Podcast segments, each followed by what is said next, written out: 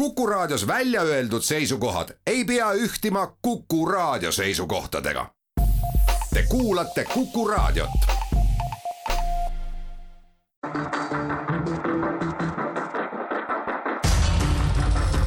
muuli ja Aavik.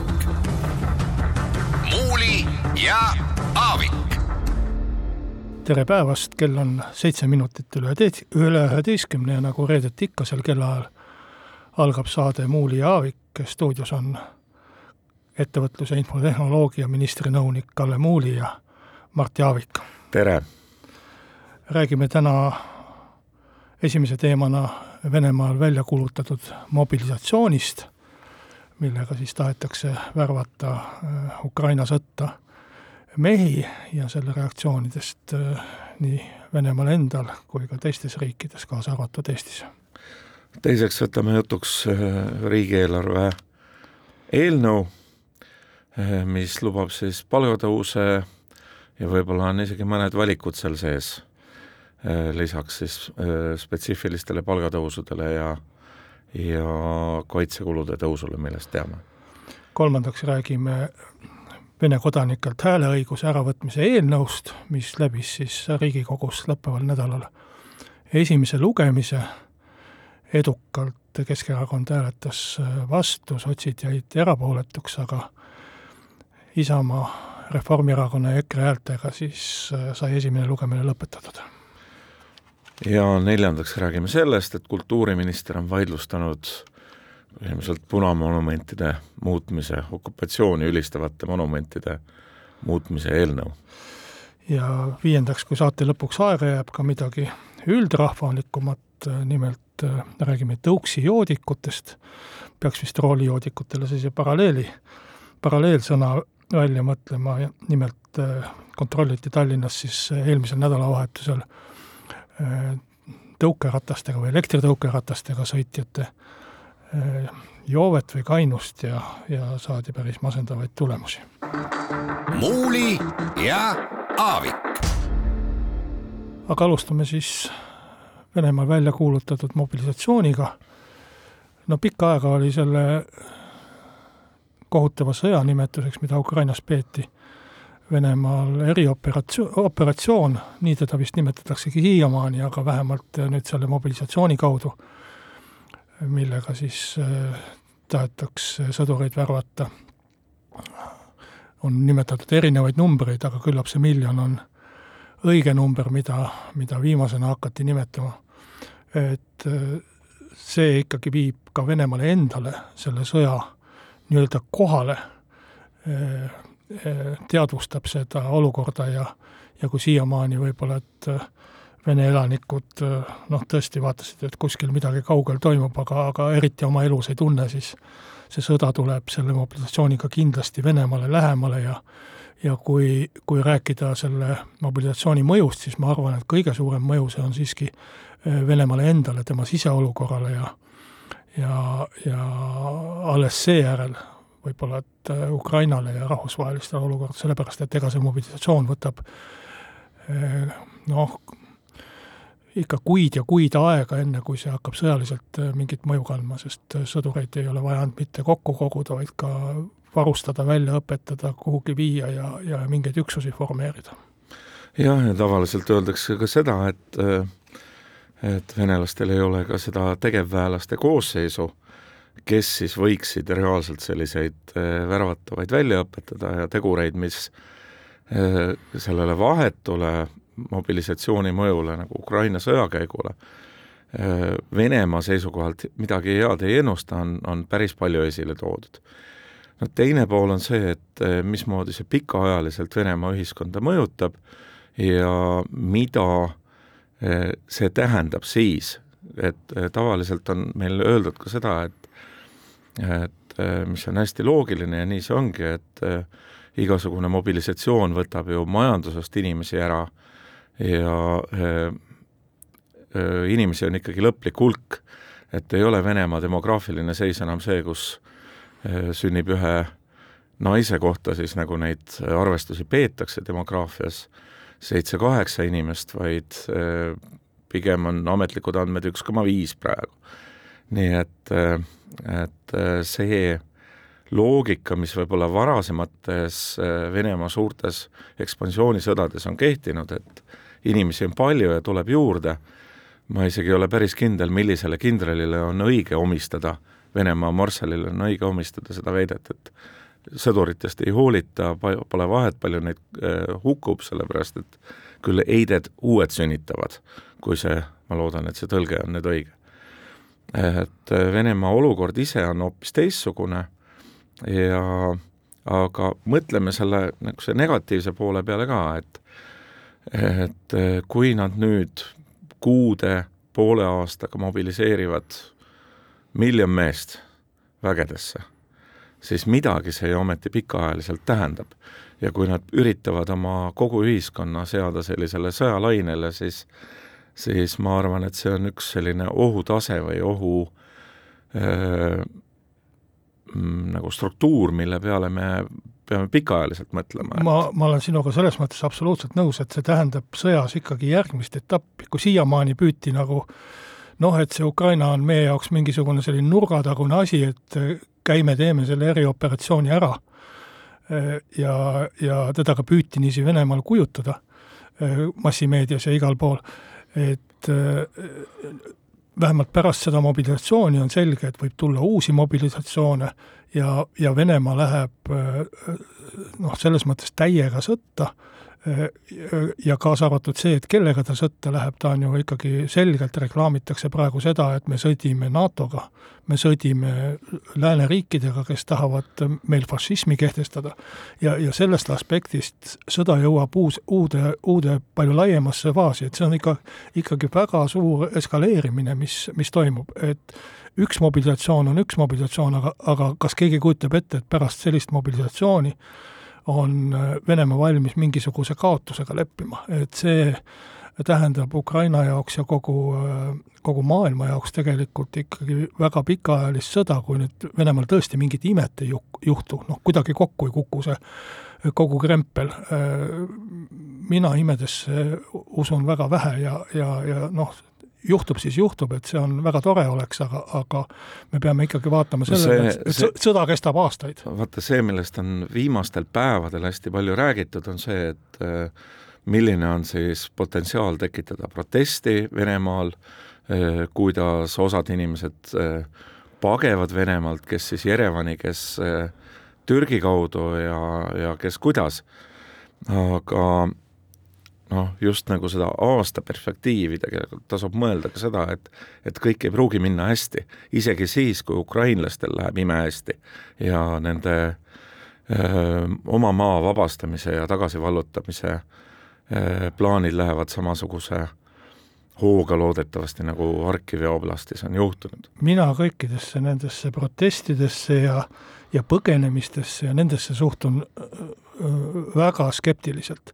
et telepildis ja, ja kuskil video peal võib see tõesti väga efektne näha, kui, kui lennujaamad on inimesi täis ja ja kuskil piiril näidatakse veel, ma ei tea, kas autentseid või, või võltsvideosid tohututest järjekordadest, aga kui sa mõtled Venemaa rahvaarvu peale, siis nii see miljon mobiliseeritud kui ka võib-olla, et riigist põgenevad sada tuhat või miljon kutsealust et see on kõik väga väikesed numbrid, need jätavad tõesti, kui see kõik toimub ühe korraga, muljet, suurem või sellise efektse mulje, et oi, nüüd kõik inimesed põgenevad Venemaalt ära, sada nelikümmend miljonit inimest, sellest ma ei tea, seitsekümmend, kuuskümmend, viiskümmend miljonit võitlusvõimelist meest, et no võitlusvõimeline on võib-olla natukene palju no, öeldud. selles mõttes, et kümnetes miljonites. käed on otsas ja jalad on all et keda saaks äh, mobiliseerida sealt üldse,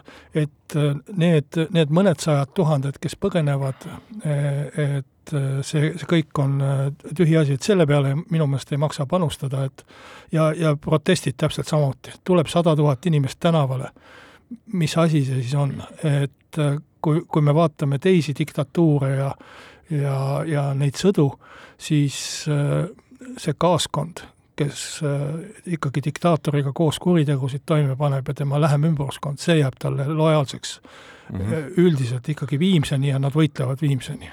selle juures on muidugi ka no väga paljud analüüsid selle, sellises faasis, kus me lõpptulemust ei tea, on on potentsiaalselt õiged, et loomulikult see mobilisatsioon on nõrkuse märk, loomulikult on ta midagi, millel on potentsiaal, võib-olla, tekitada proteste, viia ka sellesama Venemaa oma süsteemi nõrgenemisele aga millega me peame arvestama või mille, milles selline nagu pessimistlik jutt on see, et et üldine foon on olnud nagu väga hurraa, et, et nad teevad rumalusi, nad ei saa hakkama, nad on hukukursil.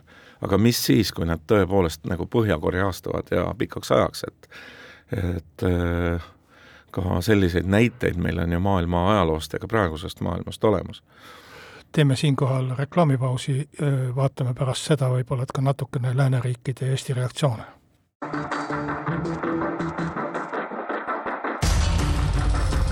muuli ja Aavik. muuli ja Aavik. Jätkame stuudios endiselt Martti Aavik, Kalle Muuli ja jutuks oli meil Venemaal välja kuulutatud mobilisatsioon Eh, no reaktsioonid sellele on olnud võrdlemisi, mitte võrdlemisi, vaid ikkagi päris ühtsed. et see, mida Putin tegelikult on saavutanud, on, on peaaegu esimesest päevast või ütleme, tegelikult ikkagi sõja esimesest päevast, iga tema esi-, eskalatsioonisamm suunab selle poole, et läänemaailm, siis laiendatud läänemaailm on ikkagi väga-väga ühtne ja ühtsete arusaamistega sellest, et eh, mismoodi sellesse riiki, tema juhti ja tema juhi tegevusse suhtuda. ja ma arvan, et eh, kui nüüd ajas tagasi hüpata, siis eh, minu hirm oli palju suurem enne selle sõja puhkemist veebruaris ja seda sellepärast, et minu meelest, minu analüüsi ja võib-olla ka tunde järgi oli Putin pigem võidukursil. kõik tema vahendid, millega ta läänemaailmas šantažeeris või ka suutis mõjutada, olid töös ja arenevad.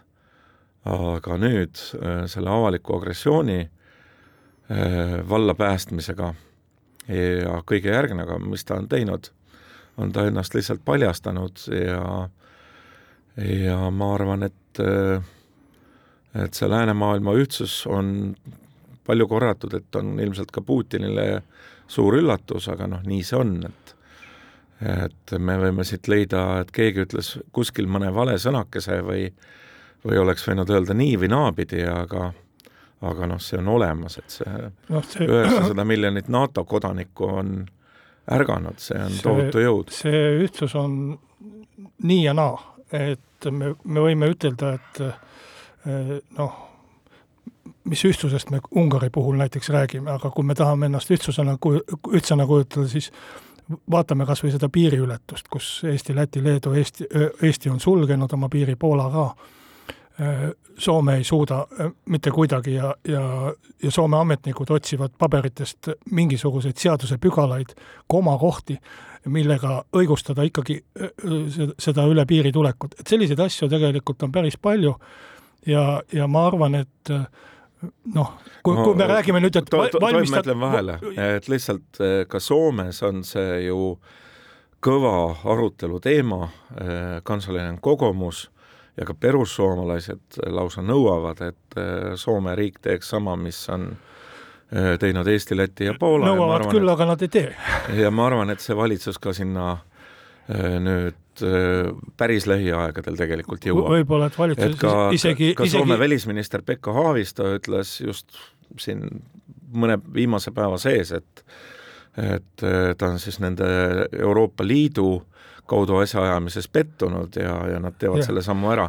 võimalik, et eh, midagi sellist tuleb ka kui Euroopa me mäletame, kui kiiresti nad suutsid koroona ajal sellesama paragrahvi alusel, millega nüüd tuleks tegelikult venelastele piir sulge, sulgeda, suutsid nad sulgeda eestlastele ja kogu Euroopa Liidule piiri, aga nüüd ei saa Vene agressorile äh, ja, ja tema kodanikele, kes tegelikult on selle Putini sinna võimule valinud. ma olen sinu, ma, ma olen sinuga se-, äh, ma arvan sisuliselt sõda. nõus, ma arvan, ma olen sinuga sisuliselt nõus, aga aga mul on kuidagi niisugune tunne, mida võib-olla sellises raadioarutelu saates ei peakski olema, aga mul on tunne, et et seda ühtsust tuleb äh, nagu hoida ja mitte ka luua Eesti inimestele seda muljet, et, et kuskil teistes riikides on nagu väga niisugused pahad inimesed, neil on mingid oma argumendid, aga väga laias laastus me saame ikkagi koos hakkama. jah, sellega ma olen nõus, et, et laias laastus ja, ja ega siis nende ütleme, teistmoodi käituvate riikidega või, või ta,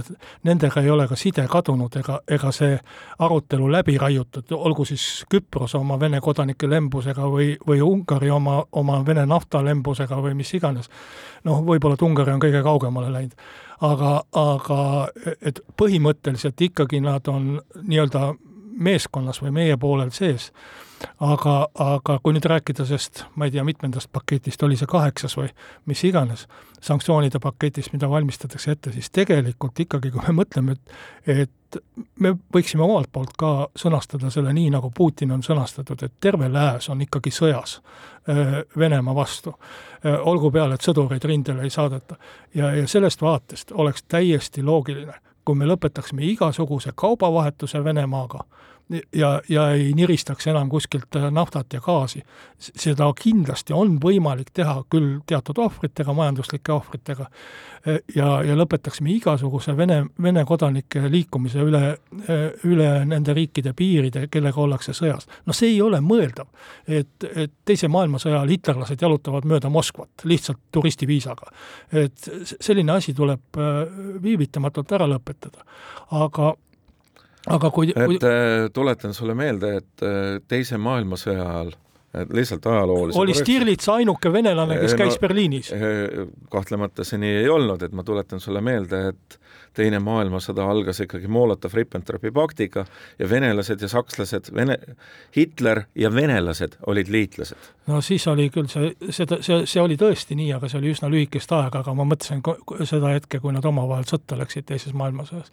aga, aga paar sõna võib-olla ka Eestist, enne kui me reklaamipausile läheme Eh, noh, tegelikult võib-olla, et peaks eh, Eesti inimestele selge sõnaga välja ütlema, et meil on Kellavere mäel üks radar, millega me näeme kuni Peterburi taha välja ja, ja me teame, et piiri taga ei ole mingeid Vene vägesid, kes meid oleksid ohustamas või kallale tungimas, isegi need, kes seal olid kolmkümmend aastat neljakümne kilomeetri kaugusel Eesti piirist, Pihkva dessantväed, on ammu ära viidud ja, ja, ja, ja Peterburi juures on ka vägesid vähendatud, et, et tegelikult on Ukraina seda rünnakuohtu Eestile oluliselt vähendanud ja, ja meil ei peaks nagu selle, seda sõjahirmu kui sellist olemas. et eile tegi äh, peaminister äh, Eesti Televisioonis ühe avalduse, minu meelest see avalduse vorm oli valist-, valitud ebaõnnestunult, aga aga, aga põhimõtteliselt see äh, sõnum, mis tal oli, et äh, olge rahulikud, on tegelikult äh, õige sõnum ja see vastab ka olukorrale. nüüd sellest elektrikatkestusest rääkides ma seda mainin ka sellepärast, et ma töötan selles ministeeriumis, kes elektrivarustusega eest vastutab ja tegeleb, et see oht, et äh, Venemaa võib desünkroniseerida ja ennast lahutada Eesti elektrisüsteemist, millega me oleme siiamaani ühendatud, on ju kogu aeg olemas olnud. see võimalus on kogu aeg olemas olnud ja, ja ega selle mobilisatsiooniga see võimalus kuidagi tal ei suurenenud ja, ja ma arvan, et, et kui, kui ta lahutab, siis ta lahutab ja me oleme teinud ju kaua aega ettevalmistusi liitumiseks Mandri-Euroopa süsteemiga. siin on see jutt nüüd, et oi, me peaks börsilt ära tulema, me peaks sidemed katki raiuma. No me ei saa üksi oma sagedust hoida ja sellepärast meil on vaja ühendusi Euroopaga muidu oli planee-, planeeritud ju Venemaa lahtiühendamine esimesel jaanuaril kaks tuhat kakskümmend viis. ma ei tea, kas, kas korraks kustuvad tuled ära siis, kui me nüüd selle lahti ühendaksime või mitte, need ettevalmistused on üsna kaugel.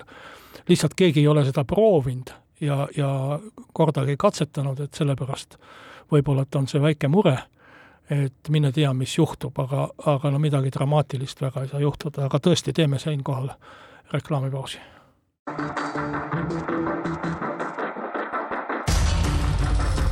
muuli ja Aavik. muuli ja Aavik. jätkame saadet stuudios Martti Aavik ja Kalle Muuli. Räägime riigieelarvest, mis siis põhimõtteliselt sai selle nädalaga katuse alla, valitsus veel järgmisel nädalal kavatseb selle ära kinnitada ja, ja Riigikogule saata. no need kaks päeva Vihulas eelmise nädala lõpul olid tegelikult väga edukad minu meelest tervele valitsusele, nii nagu ma ka irooniliselt ütlesin eelmises saates, enne läbirääkimisi ei ole raha üldse, aga pärast on väga palju ja saadakse kokku läbi aegade kõige parem eelarve ja minu meelest täpselt nii, nii ka läks ja ja kui vaadata, ütleme, neid numbreid ja, ja ka ütleme siis eesmärke või prioriteete, mida erakonnad ja ministrid olid sea-, seadnud, siis põhimõtteliselt kõik mured said lahendatud, kõige võimsamad võib-olla, et on need need palgatõusud, millest on palju räägitud, päästjatel kolmkümmend kuus protsenti, õpetajatel kakskümmend neli protsenti, politseinikel kuusteist ja, ja nii edasi ja nii edasi, et peretoetused samas kasvavad, suurperetoetused kahekordseks, lastetoetused suurenevad, sai põhimõtteliselt lahendatud ka see probleem, et ettevõtteid saaks toetada universaalteenusena elektrimüügiga väljaspool börssi. riigikaitse sai endale siis keskmaa õhukaitse, õhutõrje, millest on, on palju unistatud ja palju räägitud ja, ja mida hakatakse siis kohe hankima. ja riigikaitsekulud üldse on kasvanud ju kahe koma seitsme protsendile. et tegelikult noh, ka ilma irooniata võiks ütelda, et see on unistuste eelarve sellises olukorras, nagu me oleme Ukraina sõda ja, ja äsja koroonakriisist tulnud. kas ta on siis unistuste eelarve sellises olukorras või on ta läbi aegade, nagu sa alguses kiidusõnadega noh, kol-, kolmkümmend aastat on liiga pikk aeg, et ütelda läbi aegade ja enneolematu ja, ja muid selliseid sõnu ütelda, aga et küllap on, on on, on ta siiski noh, ütleme niiviisi, et väga silmapaistev eelarve igal mm. juhul Eh, mina ütleks nii, et on eh, mõned kriitilised valdkonnad eh, ja tõepoolest üldhariduse kestmajäämine või kestlikkus on üks nendest, et õpetajad, päästjad, politseinikud, see rida, mida me iga aasta, igal sügisel räägime, palkade mõttes on nüüd osaliselt saanud siis sellise palgatõusu, mis katab ära ja ületab Äh, teadaolevat inflatsioonimäära või äh, vähemalt ei lase väga palju nendel rühmadel äh, siis nende nagu palgaostujõudu kaotada. selles mõttes tore. nüüd see, et meil on võlakoormus kasvamas, on iseenesest ka erakordselt, erakordsetes oludes Äh, arusaadav ja mõistlik. Äh, küsimus on selles, et kas me kunagi sellest äh, tsüklist ka välja saame. Martti, kui sa võlakoormuse kasvust räägid, ma ütlen lihtsalt mõne numbri ka vahele.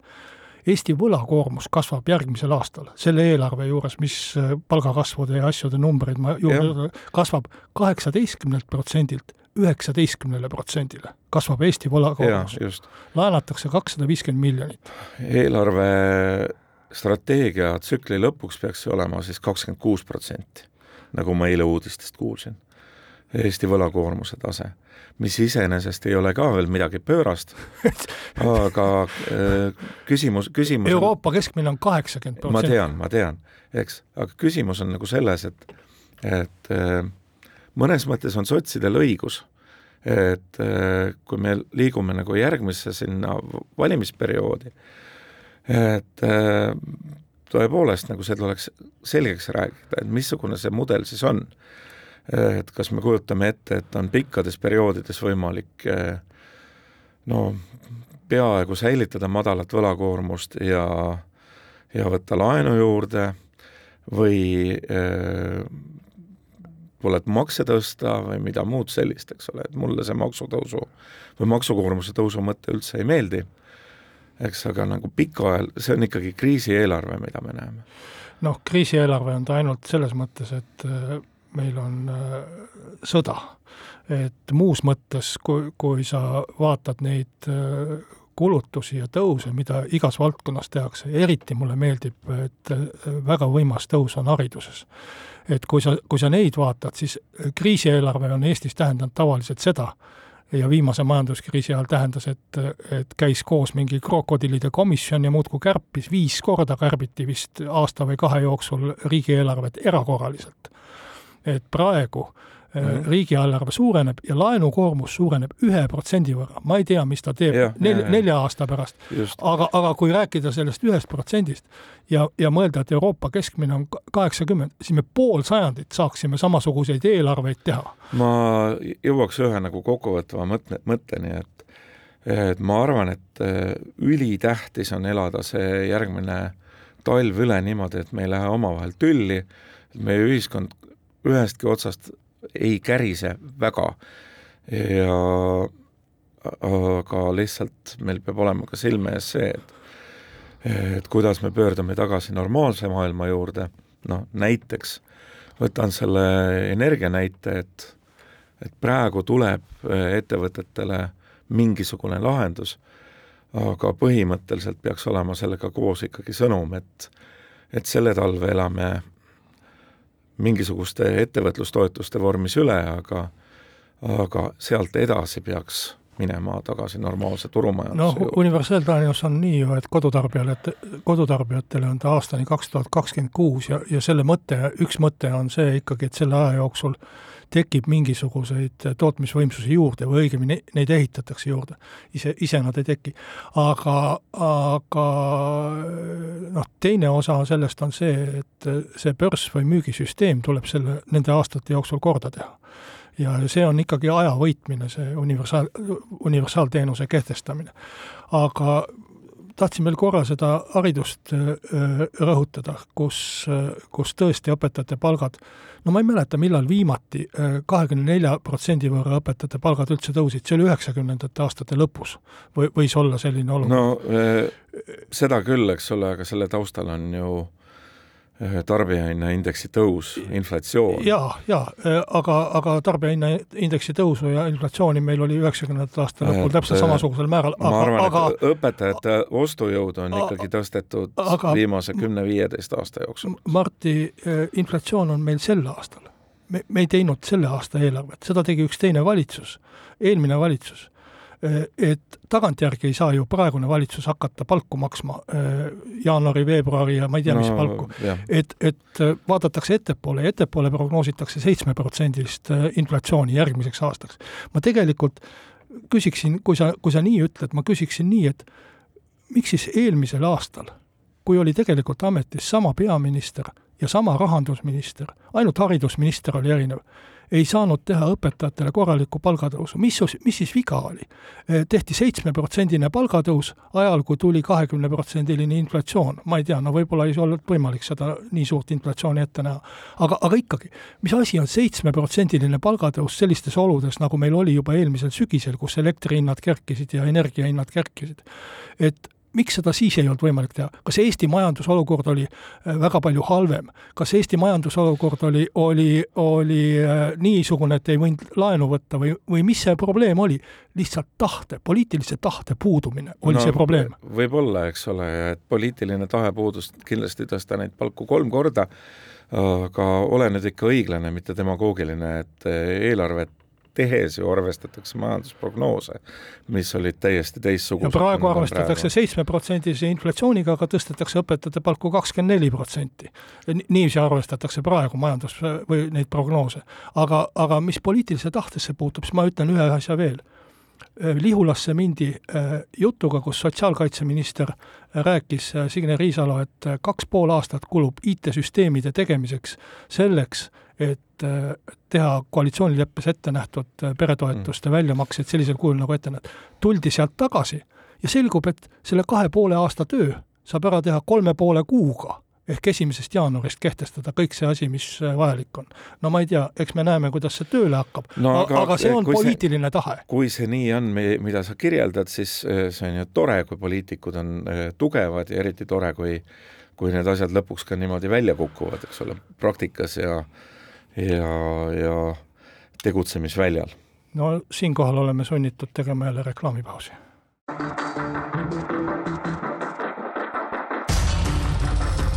Muuli ja Aavik.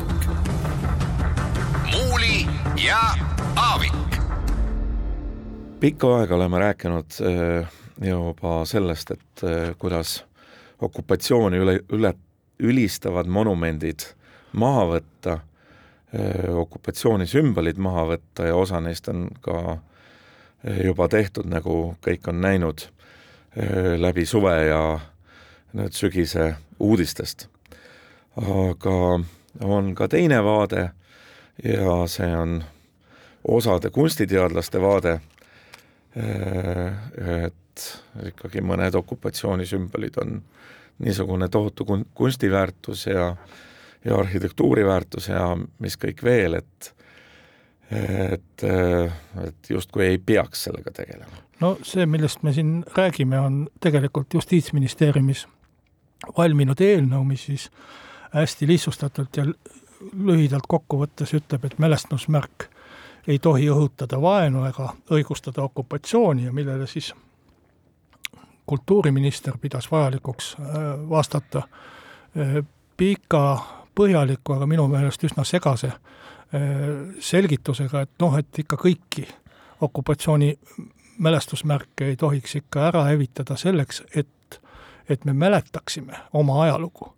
noh, see on, see on umbes nii, et, et tõesti, paneme lasteaia õua peale pedofiili mälestusmärgi, et, et lasteaiakasvatajad ära ei unustaks. eelmisel suvel ma käisin koos oma lastega, oma perega Auschwitz-Birkenaus, ühes Euroopa jubedaimas koonduslaagris, eks see on mälestusmärk nendele tegudele, mida see on muuseum. mida tegid eh, Hitleri poisid.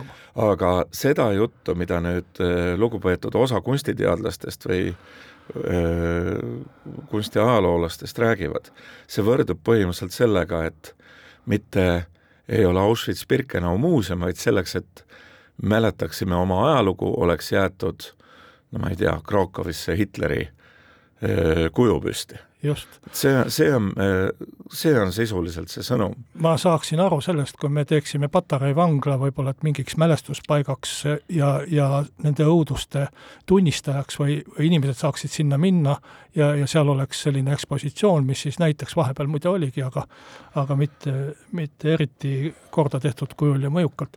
aga, aga, aga seda lihtsalt, et meil kõik suvalised kohad, äh, platsid ja, ja, ja tänavad on mingisugust Nõukogude okupatsiooni saasta täis, äh, ütelda, et see on vajalik selleks, et me mälestame, kas me tõesti saame massiküüditamised, äh, sada tuhat või kakssada tuhat tapetud eestlast, saame ära unustada lihtsalt sellepärast, et meil kuskil Stalini kuju ei ole. et noh, võib-olla et ma natukene liialdan, aga, aga ja, ja millise demagoogiaga kultuuriminister kaitseb siis oma seisukohta, et et okupatsiooni mälestusmärke kõiki ei tohi maha võtta. seal oli toodud näiteks äh, isegi mõõgavendade ordule oli, oli vihjatud äh, ma ei tea, kas mõni ajaloolane seda kultuuriministri nagu seisukohta, seisukohta ka luges, aga, aga mõõgavendade ordu eksisteeris mõnikümmend aastat kolmeteistkümnendal sajandil, kui Eesti riiki ei olnud veel olemas, et pärast Saule lahingut no mis ma peast ütlen, tuhat kakssada kolmkümmend kuus äkki või, löödi mõõgavendade ordu puruks ja, ja paavst liitis ta Saksa orduga, et, et ja, ja hakata seda, sellist jahu ja, ja sousti ajama seoses okupatsiooni mälestusmärkidega. no ma ei, ma ei saa aru, et mida see kultuuriminister, see on nagu mingisugune tõesti venelaste käsilane oleks äh, ametisse astunud. siis tuleb äh, Eesti Kunstiakadeemia professor Mart Kalm telesaates ja ütleb, et kui viisnurk on äh, ma nüüd tsiteerin täpselt, kirjutasin üles, kui viisnurk on osa arhitektuursest kompositsioonist, siis seda küll likvideerida ei saa. no kujuta ette, et kui keegi ütles Lääne, Lääne-Euroopas, et kui haakrist on osa arhitektuursest kompositsioonist, siis seda küll likvideerida ei saa. Need haakristid on kõik seal likvideeritud viimseni. ja, ja tegelikult meil ei ole mälestamiseks ja mäle-, meelespidamiseks vaja seda, mida Stalin siia rajas, vaid meil on vaja enda mälestusmärke, mida me ise rajame nendele inimestele, nendele ohvritele ja, ja, ja muudele asjadele, et me võime väga vabalt näidata muuseumites ja spetsiaalsetes kohtades, milliseid koledusi ja milliseid sigadusi tehti. aga, aga see ei peaks meie avalikku ruumi risustama. jah, meenutaks, et äh, kui siin oli äh, juttu Putinist, tema mobilisatsioonist ja muust, siis ka viimaste nädalate uudistes, kui ukrainlased on vabastanud oma äh, linnu, siis on järjekordselt tulnud välja massihauad, äh, tunnistused piinamistest ja muudest. et katsume ikka meeles hoida, et sama asi on toimunud ka Eesti territooriumil. Äh, need, Putin ongi Tšeka NKVD pärija põhimõtteliselt, see ongi tema eriala. see ongi see, mida need inimesed on teinud ja kogu see viisnurk ja, ja mõte, et et äh, mälestame neid aegu nagu jutustades, jutustades kurbi lugusid sellest, kui raske oli homoseksuaalse kolhoosi esimehe elu äh, Stalini ajal, et äh, no see ei lähe. siin on hea koht üle minna meie saate viimase teema juurde, Vene kodanikelt hääleõiguse äravõtmisel KOV valimistel, mille eelnõu Isamaa esitas juba tänavu aprillikuus mitte pool aastat valimisi, enne valimisi, nagu ühes ajalehe juhtkirjas võis peaaegu et lugeda. Ja, ja mis siis eelnõu? Noh, ta ei olnud küll sõnastatud otseselt Vene kodanikelt äravõtmisena, et tol ajal eh, sai sõnastatud ta välis- või kolmandate riikide kodanikelt, siis välismaalastelt, kes ei ole Euroopa Liidu ja Eesti kodanikud, aga aga no põhimõtteliselt eh, võib-olla, et oleks mõistlikum keskenduda ta siis väiksemale inimese rühmale, inimrühmale, Venemaale, Valgevenele, nendele riikidele, kes otseselt ikkagi Ukraina sõda peavad ja, ja kelle, kelle kodanike suhtes siin, neid on umbes kaheksakümmend tuhat, kellest vaata et nelikümmend protsenti käib ka Vene valimistest osa võtmas siinses saatkonnas, siinsetes Vene esindustes ja, ja, ja hääletab seal siis äh, valdavalt Putini poolt, tuleb uksest välja, läheb järgmisel aastal, valib Eesti pealinna linnavõimu, et äh, minu meelest äh, ma ei näe küll mingit põhjust, miks me peaksime sellist olukorda siin sallima, et olgu peale need inimesed, aga, aga neile ei peaks andma seda äh, hääleõigust meie kohalike omavalitsuste moodustamisel, mida muide ei ole antud väga paljudes äh, Euroopa riikides. Ja, ja ma ei näe ka mingit põhjust, miks peaks selle jätmata neilt, jätma neile alles olukorras, kus tegelikult nad on selle režiimi toetajad, mis ründab Ukrainat.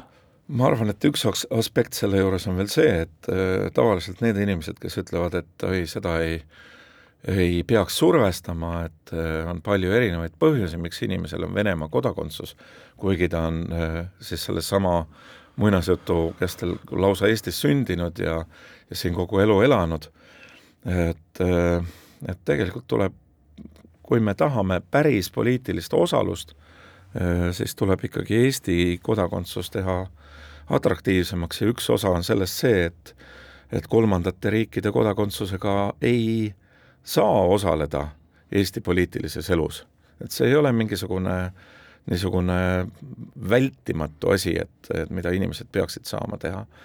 ja äh, nüüd on see retoorika selle ümber ka natukene muutunud, et et äh, jutt on Venemaa kui riigi koristamisest, kuulas ka Isamaa poolelt, mina olen ikkagi endiselt seda meelt, et, et me peaks loobuma sellest kolmandate riikide äh, kodanike hääleõigusest ka kohalikel valimistel äh,, mõeldes ka tuleviku peale, et ega ei ole välistatud, et meile tuleb siia veel kõikvõimalikest piirkondadest ja kohtadest inimesi.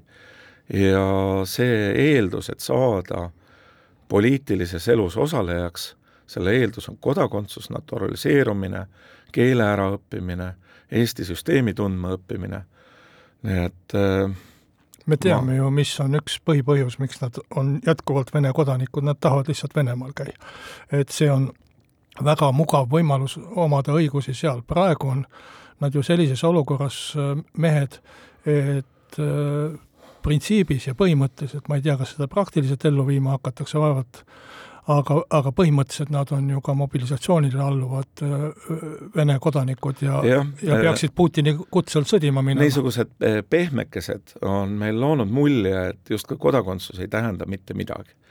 tegelikult loomulikult kodakondsus tähendab, et see on ikkagi nagu selgepiiriline suhe inimese ja kodaniku ja selle riigi vahel, kelle kodanik ta on ja olgu seal elukohast sõltuvalt ja tõenäoliselt kui sa ütled kutsealune, siis siis ainus, mis takistab, on see, et Putin ja nende sõjakomissariaat lihtsalt ei saa neid eh, tegelasi siit kätte, kui nad ise ei taha minna. no jõuga võib-olla tõesti mitte, aga, aga, aga kui nad tahavad, ma ei tea, Venemaad külastada näiteks, mis ju Venemaa kodanikul põhimõtteliselt oleks õigus ja, ja oleks õigus ka siia tagasi pöörduda, kuna ta ei tule ju viisaga, vaid elukoha järgi et, et see oleks üks võimalus kätte saada ja teiseks, kui nad on valimisnimekirjades ja saatkonnas valimas käinud, küllap nende nimed ja, ja elukohad ja asukohad ole teada siis. see veel võib-olla kokkuvõttes, et ongi kaks poolt. loomulikult on väga hea, kui võimalikult paljud inimesed, kes su territooriumil elavad, on kaasatud otsustamisse nii kohalikul tasandil kui ka riigi tasandil. et see on õige ja hea eesmärk. aga äh, nagu selle Vene kodanike äh, hääleõigusega me ei ole seda saavutanud ja see agressioon paneb, paneb asja nagu täiesti teise pilti, et et ma arvan, et me peame muutma kardinaalselt seda olukorda äh, ütleme, Eesti kodakondsuse kasuks ja selge vist on ka see, et selle Riigikogu koosseisu ajal äh, seda muutust ei tule, et eh, noh, siis see tähendab seda, et no see käib üks on, üks kummaline poliitiline mäng, kui ma kuulen seda esimest lugemist, siis seal ütleb Reformierakonna esimees, või mitte esimees, vaid eh, esindaja Toomas Kivimägi, et Reformierakond toetab, fraktsioon toetab üksmeelselt seda eelnõud ja ütleb ka seda, et on valmis Reformierakond kaaluma isegi põhiseaduse muutmist selleks, kui vaja on. Ja siis tuleb järgmisel päeval peaminister, ütleb, et oi, selle selle, selle Riigikogu ajal seda kindlasti ei tule. et noh, tegelikult on probleem on selles, et sotsid on vastu ja, ja miks nad vastu on, see on nii naljakas oli, ma lugesin äh, stenogrammist täiesti hämmeldunud sotside esindaja äh, seisukohavõttu, et aga selleks ajaks, kui meil kohalikud valimised tulevad, selleks ajaks on Ukraina sõda juba läbi. palju õnne selle en-, ennustuse eest, aga nüüd me peame oma saate ära lõpetama. Mart Jaavik ja Kalle Muuli järgmisel reedel jälle.